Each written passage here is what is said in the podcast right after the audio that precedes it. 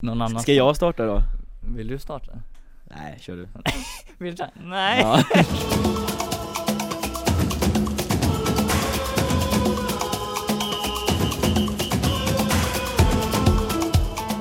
Det är fredag igen som vanligt och då sitter vi alltid och poddar. Alltså, välkomna till eh, Copa Mondial helt enkelt. Eh, Välkomna, välkomna Välkomna, Simon Lund är här och eh, Wilhelm Eriksson, du sitter ju på andra sidan som vanligt. Och du, alltså egentligen, du borde ha hela det här avsnittet känner jag i och med att det, det har ju gått rätt bra för, för Liverpool nu. Ja men jag, jag tänker att vi börjar där, hur känner du nu? Nej men eh, givetvis överlycklig över eh, onsdagens eh, match mot, eh, efter onsdagens match mot Barcelona som, eh, ja men det, det Distans eller? När var det tisdag? Var det Ja. inte? Jo men precis, du har rätt, är bra det. Ja precis, vi har verkligen etsat sig fast i näthinnan.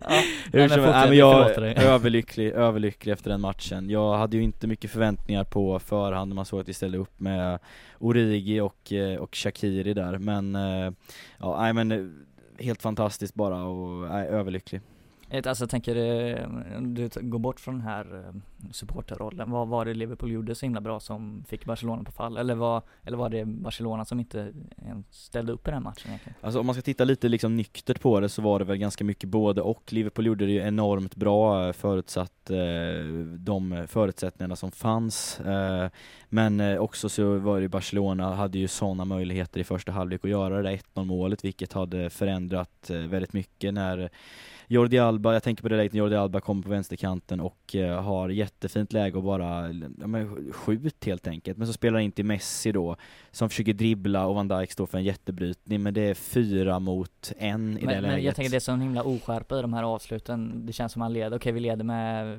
då hade ju Liverpool gjort en mål i och för sig men det är ändå 2-0, man känner nej, vi, vi löser det här nog ändå till slut att Mm.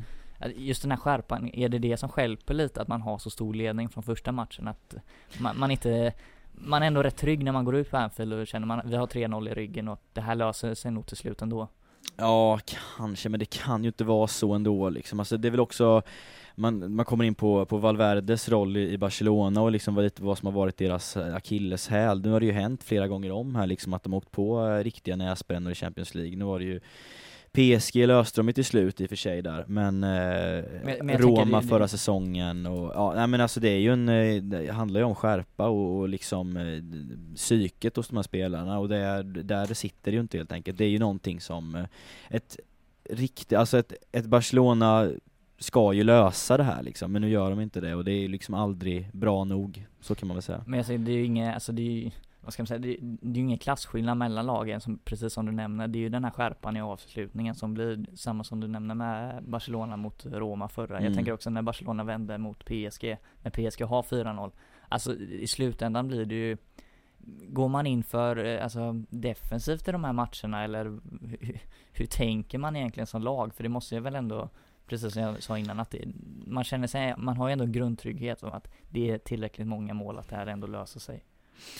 Ja, alltså Nej men jag, återigen, men det är skärpan, det är ju någonting eh, liksom eh, psykologiskt som, som inte stämmer under, under Valverde riktigt då. Alltså det är ju så mycket som är, som är svagt med den här insatsen mot Liverpool och jag, jag förstod liksom inte riktigt vad deras matchplan var. Du frå, frågade om det är för defensivt. Jag vet inte, jag tyckte väl ändå att det var en hyfsad balans på det hela, men det är ganska mycket så individuella prestationer. Jag tänker på första målet eh, som Divock Origi gör när Henderson rinner igenom. Det är ju liksom Jordi Alba Bara en sån sak att Henderson rinner igenom ett försvar ja. liksom. det Ja men där har vi också en, eh, ett kapitel, eh, vi måste diskutera lite, Jordan Hendersons, eh, hur bra är han egentligen?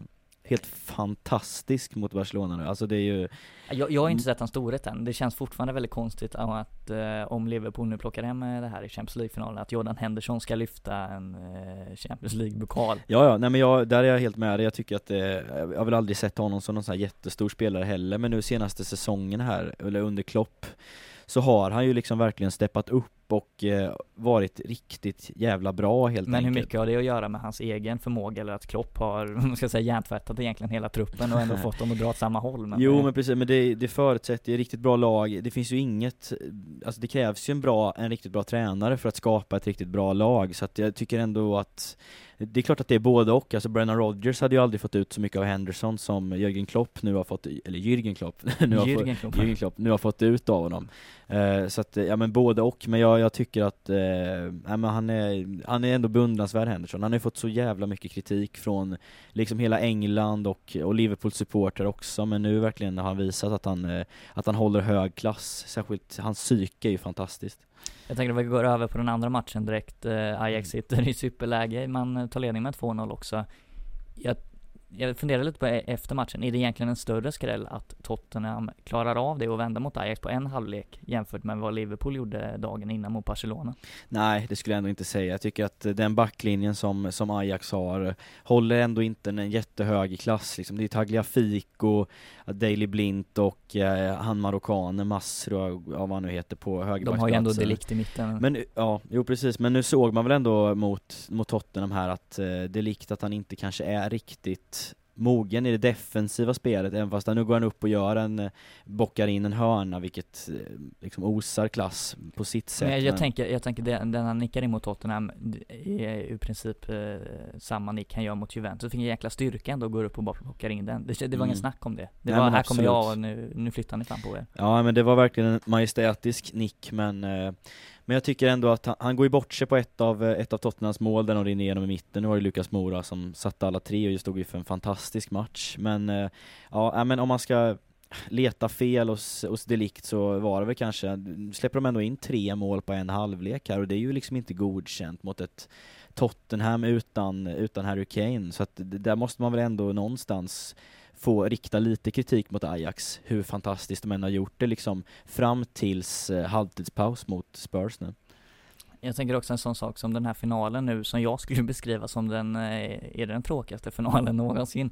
Från ett objektivt eh, perspektiv. Men ap ap apropå det här att det är konstigt att se Henderson lyfta eventuellt då en Champions League-pokal, peppar peppar ta ett är det inte, jag tycker det känns jättekonstigt att Spurs är i Champions League-final, är det inte det? Det är otroligt konstigt det känns, men jag känner hela den här um, säsongen har varit väldigt, eh, eller jag tänkte på det, just så som vi har suttit och tippat inför varje, ehm, varje, varje, eh, varje semifinal, varje kvartsfinal det har ju alltid gått åt helvete Ja, jo exakt. Så jag kan ju säga nu att jag har, har ju tippat att Liverpool tar det, så grattis eh, Tottenham till eh, Champions League-seger. Ja, fan Ja, nej men vad, vad är din känsla inför den här Champions League-finalen, rent resultatmässigt, hur tror du att det kommer gå?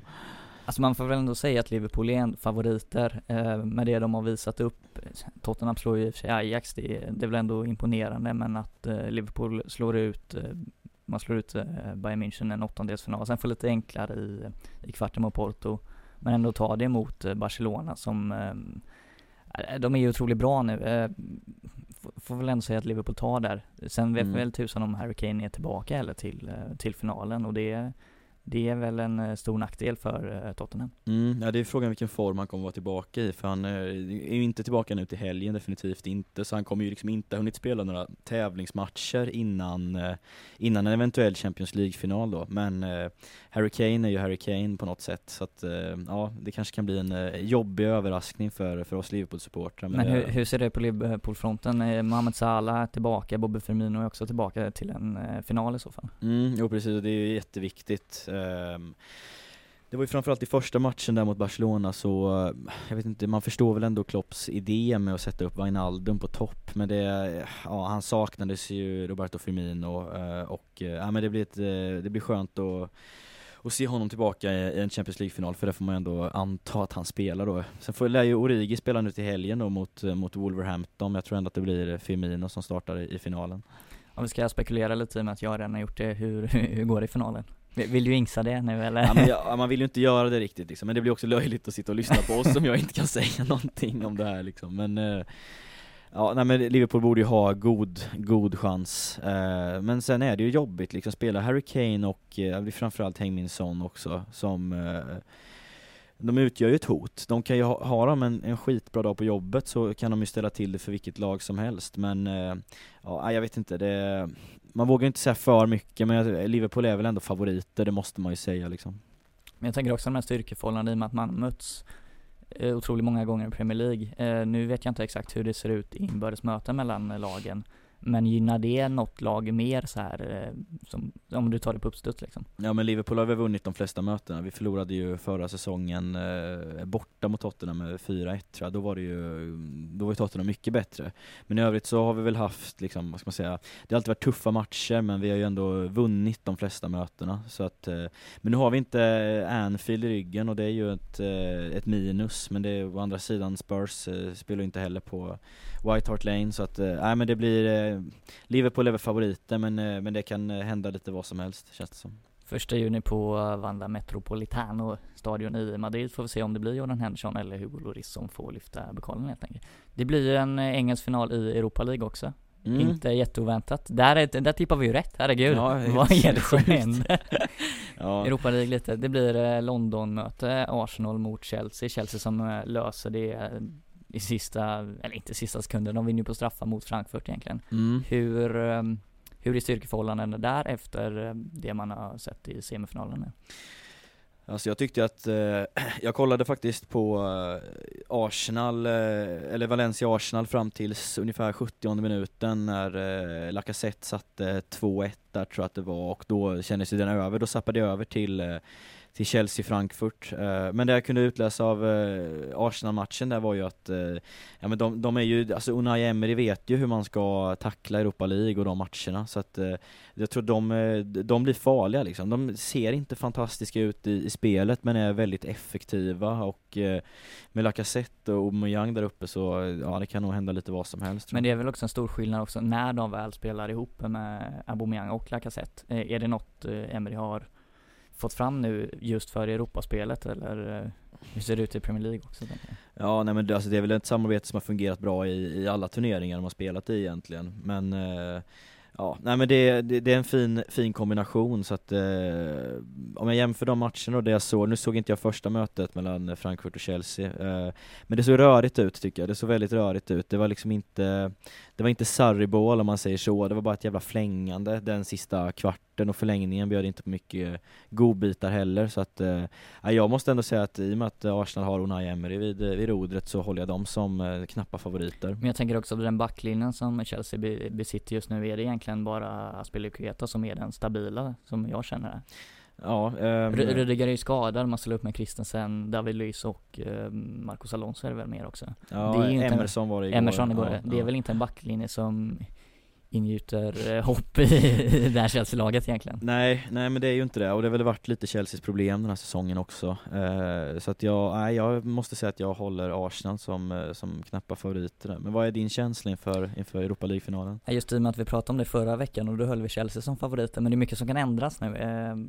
Men man är så van med att Chelsea är det här defensivt starka laget liksom, men man är sakta men säkert börjar man liksom men, men sen är det också, hur bra är Frankfurt jämfört med Arsenal? Arsenal och Chelsea har ändå stött på varandra så pass många gånger och det känns mm. ju som Chelsea har något ändå litet övertag på Arsenal eh, de senaste mm, åren. Så mm. jag får ändå säga att Chelsea är ändå lite favorit. Lite lillebrorskomplex där Ja, kanske. men kanske lite så. Sen kan man ju inte det som Arsenal har gjort eh, nu i Europa League och när man har Ona Emre också, att det är det är ju ingen klubb man kan räkna bort i en, eh, en stor final helt enkelt. Nej precis, precis. Ja, men de känns ju lite, ja, som vi var inne på nu här, att eh, Arsenal, de är inte stabila, det är ju så bottenlöst uselt ibland och ibland ser det fantastiskt ut så att eh, Ja, det, den, känns, den känns öppen men Får väl se ja. vilket Arsenal som dyker upp i Europa League-finalen i Baku, kan du landet eller?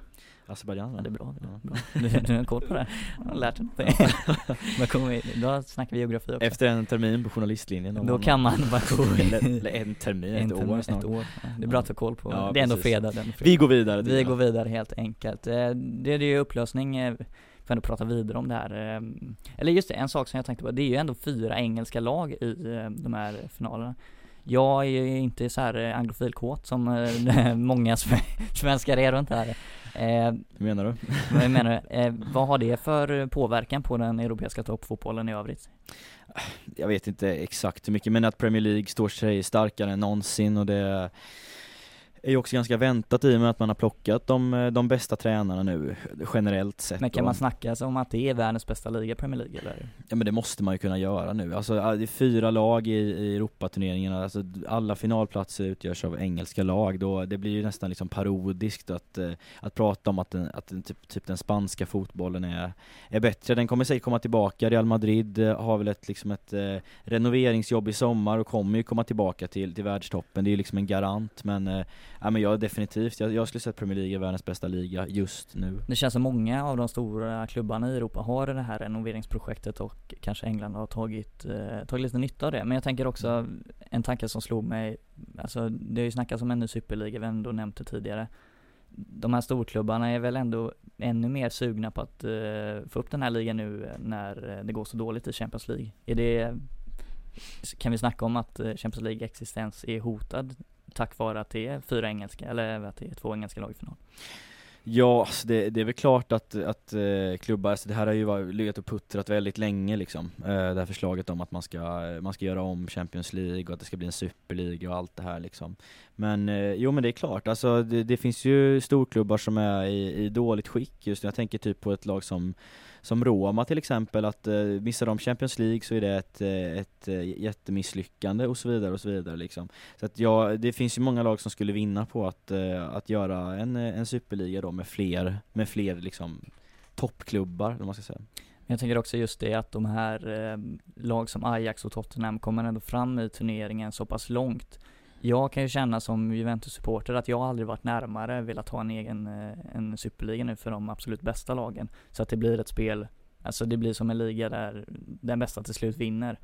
Är det skulle, skulle Juventus Nej den, det vet inte tusan de skulle göra men, ja, nej, men det, det, det blir ändå, det blir ändå liksom alla storklubbarna tävlar mot varandra på eh, under, en, under ett år helt enkelt. Mm, ja men jag, jag är ju inte med riktigt där, alltså jag tror ju att de här stormatcherna kommer bli urvattnade om man möts för ofta liksom, men då har man inget att se fram emot längre.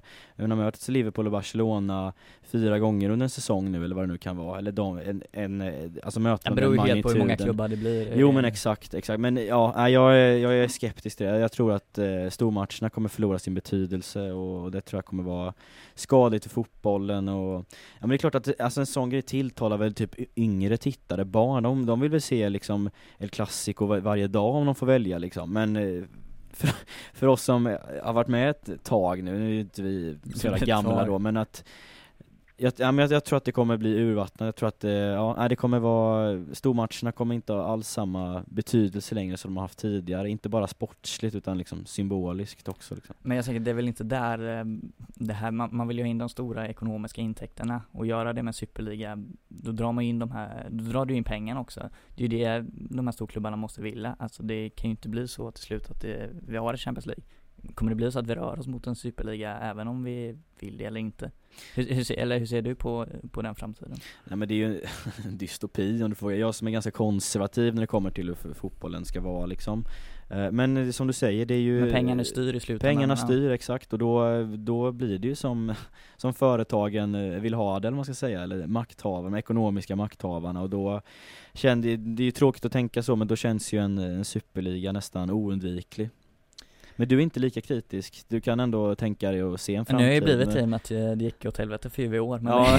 men det är ju bara därför, jag är absolut inne på ditt spår men man ser ju hur, eh, hur den moderna fotbollen ser ut och att det är väl antagligen det här vi rör oss mot i framtiden vad vi än eh, vill. Mm, det är en stor fråga då, men du som följer Serie A, vad, Alltså är det, är det liksom finansiärer som måste in där? Det är liksom, alltså Aurelio De Laurentiis, ägare i Napoli Men hur mycket är... gör han för Napoli? Jag menar han har, han har köpt upp Bari nu, vad ligger hans fokus egentligen? Vill han ta upp Bari och göra det till ett storlag eller? Ja Eller ska han fortsätta med Napoli? Det är väl egentligen, det måste ju deras supportrar svara på och se hur, hur det ligger där. Det har jag för lite koll på men det mm, Jo precis, men det är ju svårt, hur, hur kan man utveckla de här ligorna? Typ Liga 1, Serie A, Bundesliga är väl ändå en, det går ju ändå stabilt där liksom, de, men eh, ja, men det är svårt och det är en svår, eh, svår debatt, eller en svår det är svårt fråga. att svara på hur man utvecklar Det är ju eh, det. Då skulle vi sitta på andra positioner om vi hade svaret på de frågorna Ja, vi kanske får ta in någon gäst här snart som får eh, prata lite om det här. Prata, vem har, vem har vi där?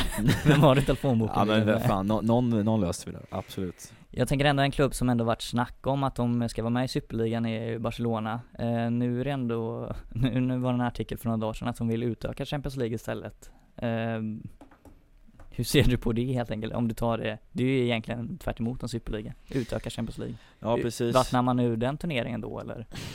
Ja alltså det blir ju, det blir ju ett helt annat upplägg. Nu var jag inne och läste en artikel här ganska nyligen av, av eh, Patrik Bränning där då som skrev om eh, Ja men att, eh, ja men eh, la fram hur det, skulle se ut helt enkelt och då var det ju att det skulle vara mer ligaktigt, att det skulle bli fler matcher vilket också blir liksom en, eh, en blir- källa till mer mm. intäkter återigen då liksom. Eh, ja men det, det är svårt, det är så stor fråga liksom men eh, ja, jag, jag tycker att Champions League är rätt bra som det är nu så jag är rätt nöjd. Förutom bortamålsregeln då som du Ja, jo precis, den kan man väl... eh, Det finns alltid saker att utveckla helt Ja. enkelt. Jag tänker också på en sån sak att eh, Barcelona vill ju, de vill ju flytta några seriematcher nu i La Liga för att eh, ja, slå på en annan marknad. Det snackas om att det ska vara matcher i USA, i Mellanöstern och eh, i Asien helt enkelt. Mm. Vad tycker vi om det? Ja, jag, återigen, jag börjar bli, jag börjar bli förutsägbar här men Otroligt. jag, ja. Men, eh, men nej, jag, jag tycker inte Nej att det men är just det, något det att- handlar ju inte om eh, Barcelonas hemmamatcher heller. Det handlar om eh, bortamatcher. mm. du får ju ändå in intäkterna från, från hemmamatcher. Då blir det också större glapp till de, de klubbarna som då kommer få spela sina hemmamatcher i Asien. Mm. Vilka, är det, ja, är det bara storklubbarna som gynnas av det här Ja egentligen? men du hör ju själv liksom, det är, det är ju bara storklubbarna, det är ju lite vinstintresset och att eh, mycket vill ha mer och, och hela den här liksom biten. Eh, nej men så att jag vet inte vad det till slut blir, varför ska man åka till, eh, varför ska man åka till, eh, till Rom och se ett Romderby om de liksom är i, det, det blir ju återigen, allt blir så urvattnat, det blir så fruktansvärt kommersialiserat och Hade inte Bologna Roma i eh, Peking lockat eller? Nej, jag, jag, jag tycker verkligen inte det alltså.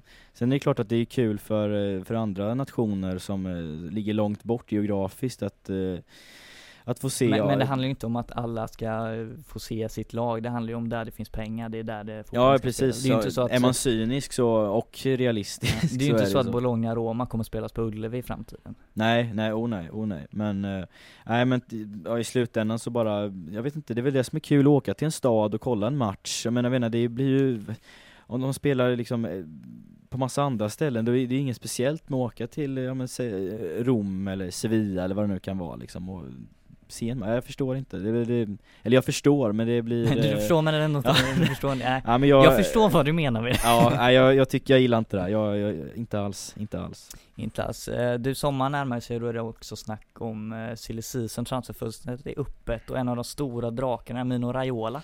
Härliga Mino. Härliga Mino. Vad gör han? Men han har ju blivit avstängd, vad är det, tre månader nu? Ja det var det va, tror jag. Ja, det, jag tror det. Men jag tänker på sådana som eh, Paul Pogba, Mattias de Ligt som ändå har, eh, är klienter till Mino. Påverkar det deras övergångar i sommar? Pogba vet vi väl inte om han blir kvar eller om han lämnar, men Mattias de Ligt eh, ska ju antagligen till Barcelona. Vad- Ja jag vet inte, jag har väl läst lite andra grejer där att han, eh, att han eventuellt då inte skulle till Barcelona Men det är ju ofta de här liksom, vad heter den här, Obo, Abola eller vad heter den här tidningen i Ja men Mino Ja. vill ju att han ska till, eh, var det, var det United eller något? Men det Ja. handlar ju väl om pengar i fickan till honom tänker jag. Ja jo men exakt, exakt, och det är väl där han inte har bränt sina broar än kanske. Eh, Nu har ni ändå Paul Pogba och eh, Romelu Lukaku där så att eh, Ja, nej men vi, vi får, det är intressant att se vad Delikt hamnar, jag menar, det har ju ryktats lite om Liverpool också men det beror ju lite på hur mycket han kostar, jag tror inte att Jürgen Klopp är liksom villig att lägga liksom 150-200 miljoner för honom, det, det tror jag verkligen inte att han är. Eh, men det är klart att det skulle vara kul att se honom och Van Dijk bilda mittbackspar, det hade varit häftigt. Det är ett otroligt eh, häftigt mittbackspar i så fall, eh, holländska framtidsduon. Eh, det snackade, jag vet inte ens om vi har nämnt det, att Chelsea har ju transferförbud. De har ju överklagat men det blev ingenting. mm. Hur påverkar det en sån som Eden Hazard som kommer, eller kommer han lämna i sommar nu? Jag tänker som Chelsea snubbe vill man väl ändå hålla väldigt hårt i honom. Alltså det är väl liksom lite känsligt läge nu, nu. Alltså om, han, om Eden Hazard verkligen vill lämna så och Chelsea inte låter honom göra det så kan det ju skära sig, det kan ju bli eh, Relationen kan ju surna där och det vet man ju inte hur villiga Chelsea är liksom att, att gå den vägen. Eh, men på samma gång så förlorar de Hazard och inte kan ersätta så eh, då, är, då har de ju ingen rolig säsong att Men vänta fin- finns sig. det någon i den truppen som kan ta steget fram och kanske, kanske inte bli nya Eden Hazard men ändå fylla en Fylla vänsterdojan kanske? Ja precis, ja, men, ja men det är väl Callum eh, Huds- Hudson Odoi då, eh, eventuellt. Men han är, vad är han, 18-19 bast och det är väl mer en framtidsspelare än, eh, än någon som kan gå in eh, ganska... Jag tänker på sån som William, kan han få en större roll? Jo, det är klart att han kan det och det är väl liksom en, en habil spelare men eh, men det det är ju inte Eden Hazard-klass på han är ju 30, 30 nu också så att det är Pedro lika så, att eh, det är väl lite kul tid på sätt och vis då att de, nu tvingas de ju att plocka upp de här talangerna som är utlånade och som inte har fått chansen tidigare så att jag tycker ändå att det är lite spännande tider i Chelsea på det sättet. Eh, Callum Hudson-Odoi som ryktas till eh, Bayern München istället. Eh, Bayern München som ändå nu eh, är i ropet igen för de eh, har gått ut och sagt att de ska rädda Kaiserslautern ekonomiskt som eh, blöder.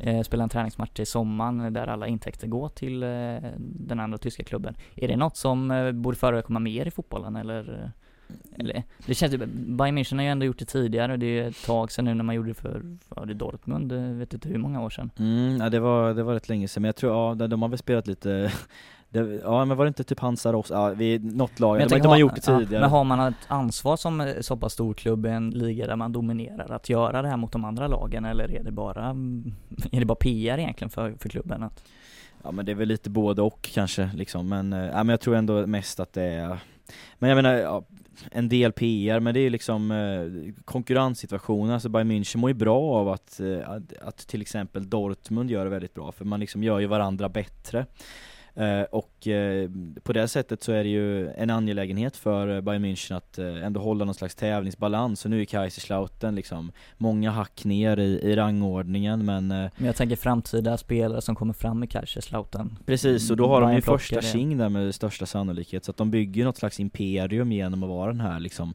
snälla storebrorsan i ligan, men eh, fler... Men borde fler klubbar, jag tänker andra ligor, göra? Ja men det, alltså det är väl en, om man ska tänka själviskt så är det väl eh, det, det är en Nu får vi, diskussion nu får vi ändå att det är en fin gest till att det blir något själviskt i slutändan ändå men, det, Jo, man men måste det- ju vända och Ja vrida men på det det är lite omöjligt att inte hamna där när det kommer till Bayern är München på sätt och vis liksom. Ja, nej men det, det är klart att det, det är ju det är ju, det är ju en fin gest samtidigt, så att det, det var det jag menar med att det, det är en svår eh, är en svår, vad ska man säga, gränsdragning eller liksom, det är bo, både och liksom Men man har inget ansvar som, eh, alltså tysk storklubb att eh, rädda de mindre klubbarna eller vad man ska säga Nej men, nej det skulle jag inte säga att För man att ta har. fotbollen typ framåt i landet eller? Jo men precis, men Bayern München de är väl liksom, ju, har ju så mycket spelare som eh, slussas till landslaget och sådär så att eh, på det sättet så, så kan man väl säga att de har nå, något eh, ansvar men liksom inget, inget formellt ansvar har de ju absolut inte. Ingen har skrivit på några papper om det Så är det ju verkligen, absolut inte. Inte vad jag vet Inte, nej, vi vill gärna ha fram de pappren Ja. annars Vet ni något så kan ni ju mejla oss på Nej du hade ju, vi satte ju på journumret nu, satt du i helgen eller? Ja jag satt och, det var ingen som ringde då men Nej, jag gick ju ner här i måndags men eh, nej, du var inte här ändå så Nej. det, måste, ta, konst- måste ta kafferast ibland också. Nej det förstår jag, det är helt naturligt eh, tycker Ja. ändå- det är ju ändå he- helgen nu, helgen stundar, det är lite matcher, eh, Premier League ska avgöras Liverpool, Manchester City, Liverpool har Wolves hemma, City har eh, Brighton borta är det väl? Mm, precis. Vem plockar hem där? Vill du, vill du jinxa det? Ja, men vi kör någon slags anti-jinx då. City vinner. City, Men, det, eh, blir, det räcker där ja. ja, men, eh, ja, men jag tror ju att, eh, att Manchester City tar det. Jag tror inte att eh, Brighton har jättemycket att sätta emot där. Men, eh, nej, men man kan ju hoppas att, eh, att de visar lite nerver ändå. Men det, ja, och Brighton kan ju vara ett eh, tungt lag att möta liksom. Man har väl ändå haft en eh, stundtals en väldigt stark defensiv under säsongen. Men, eh, ja, men de känns lite för eh, för rutinerade många i Manchester City, liksom Agüero och David Silva och de här. Så att jag tror att, eh, nej tyvärr för Liverpools del så tror jag att det blir City som eh, får lyfta bucklan på söndag. Det finns ingen så här formell skrivelse mellan Brighton och Liverpool om eh, Brighton tar det, att de kanske kan låna ut någon spelare till nästa säsong Nej men det var det Alberto Moreno, han är ju, är han i Brighton nästa säsong om Ja men eh, kanske, kanske. Han är i Barcelona annars. Får vi se var han hamnar någonstans. Det känns väldigt Nej jag tycker vi nailar Vinner, eh, ta, eller tar eh, Brighton poäng av City, då är Alberto Moreno i Brighton nästa Ja, säsong får eh, ansluta till Seagulls nästa år. Men det, ja. Nej, ja, men jag, vet, jag vet inte, jag tror ändå att City, City, är favoriter absolut. City är storfavoriter, oh, se, se vad som händer egentligen. Det är ju um, uppflyttningskval också i Championship. mm. Det, det blev ju, det blev ju inte Middlesbrough som vi eventuellt hade tyckt kunde vara svårt för Leeds. Leeds får ju Derby och eh, Aston Villa möter eh, West Ham nu. eh, West Bromwich. West Bromwich, Mm. samma sak. West. Nej, West Ham. West Bromwich såklart. Ja. Ehm, vi kan ändå, eh, vad är det två matcher man spelar? Mm, precis. Hemma bortamatch. Nu när vi ändå har det, Leeds-derby, eh, vilka tar det? Ah, jag, jag tror ju att, eh, att Leeds tar det till slut. I och för sig Derby har ju liksom seglat upp lite på slutet, hade ju som vanligt, det känns det som, nu följer man inte Championship så här tog nära men eh, man spelar ju Stryktipset och då följer man ju ändå hur det går i Championship Eh, under året och det känns som att Derby alltid får en dipp liksom efter, eh, efter nyår någon gång liksom. Där vinner de inte mycket matcher. Jag tror att det var ungefär likadant den här säsongen också. Men, eh, men har hittat lite eh, inspiration här på slutet och eh, ja men de har ju en fin offensiv liksom med, med det, Mason Mount från Chelsea och Harry Wilson från Liverpool. Så det är många inlånade grabbar där men eh, i slutändan tror jag att Leeds eh, väger lite tyngre faktiskt. Aston Villa West Bromwich, eh, jag pratade om att jag trodde Aston Villa rätt klara för den finalen. Du, Du är, tror det alltså? Ja, Ja, jag tror ja. det. det. Men det, det tar jag inte från någonting egentligen. Det är det som, eh, de har varit Mm. så pass bra i slutet, det känns som att de bara har där att bygga vidare på egentligen. Mm, jo men de har väl eh, något slags eh, momentum, Aston Villa, men jag tror ändå inte att man ska underskatta West Bromwich som vi var inne på i förra avsnittet också, att det är ett tungt lag, det är liksom, eh, det är ett, det är ett namnkunnigt lag och eh, ja, den, jag tycker det, den känns vidöppen för mig, men jag håller Leeds som favoriter mot Derby. Vilka möts då i kvalfinalen på Wembley? Uff. Ja, vilka blir det? Jag vet inte. Eh, Vi, behöver ett svar här, liksom. Det, ja, men, ja, jag, den är svår, den är riktigt svår.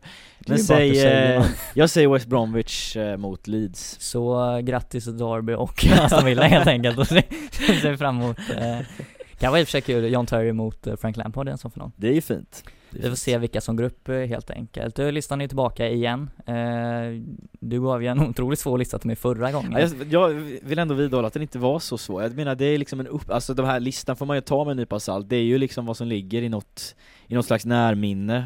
eh, och det känns ju som vi vill göra det ändå. svårt för varandra nu Ja, istället. det, det, är, Det är veckans spelare Ja det är slutet nu, man, ja, man, man vill ju plocka det liksom. Eh, Men nu tar vi fram eh, i alla fall, jag ska ge dig listan och då är det topp tre underskattade spelare. Oj oj oj. Uff. Den här är ju enkel. Ja, är den där? Är den där? Uh, uff, det är så svårt. Man har ju tänkt på många liksom. Men... Ja, då borde du ha några i alla fall. Ja, jo men precis. Nej men, ja nu är väl han eh, ganska... Nu, nu, Jag nu tänker Jordan, Jordan Henderson, går han in på en sån här lista? Jo men det, det skulle jag faktiskt kunna tänka mig att gå med på faktiskt, jag tror ändå det. Jordan Henderson... eh, ja. ja men Jordan Henderson är, är en bra spelare, han är liksom eh, fantastisk attityd och ändå visat upp en eh, en rätt, alltså, ja men tekniskt och sådär, ändå tillräckligt bra i, eh, alltså Henderson är svinbra i vissa matcher men sämre i andra, men jag skulle faktiskt kunna tänka mig att kasta in honom på, eh, på en lista där. Eh, så att, ja men Jordan Henderson kan väl pryda tredjeplatsen då.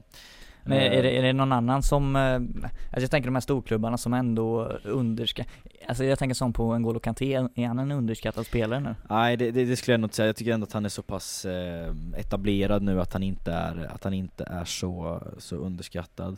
Ehm, ja men vad finns Det är ju rätt att man rör alltså? sig mot de här storklubbarna där det är någon spelare som Jo Han exakt. bara är liksom, du tänker inte så mycket på honom egentligen Nej men precis, men det är väl, man borde ju egentligen gå ner liksom och tänka på de här Newcastle eller vad det nu kan vara i, i de här lite mindre lagen. Fast det är lite svårare att hitta underskattade spelare där också Jo, kanske, fast det är också pff, det är väl där de inte får så mycket rampljus som de här eller största spelarna får, de större Vad har vi klubbarna. Newcastle då? Är det Mitrovic då eller? Nej men, ja, vilka har vi där egentligen? Det var någon som var riktigt bra nu senast mot eh, Salomon Rondon Rondon fin Jävligt bra mot Liverpool Ayose. Perez också Jo precis, och det är ju Rafa Benitez effekten där men eh, Är Rafa Benitez underskattad? Ja men det Går det, han in på en sån här lista? det, Det är ja. du som bestämmer lite där så. Ändå tränat Liverpool och Inter och, och Napoli nu även fast det var rätt kort där men eh, ja, nej, men på en tränarlista så skulle jag nog kunna tänka mig att plocka in Rafa Benitez men eh, Nej men vi kan ja, nej, men det får ju bli lite på uppstuds, man behöver ju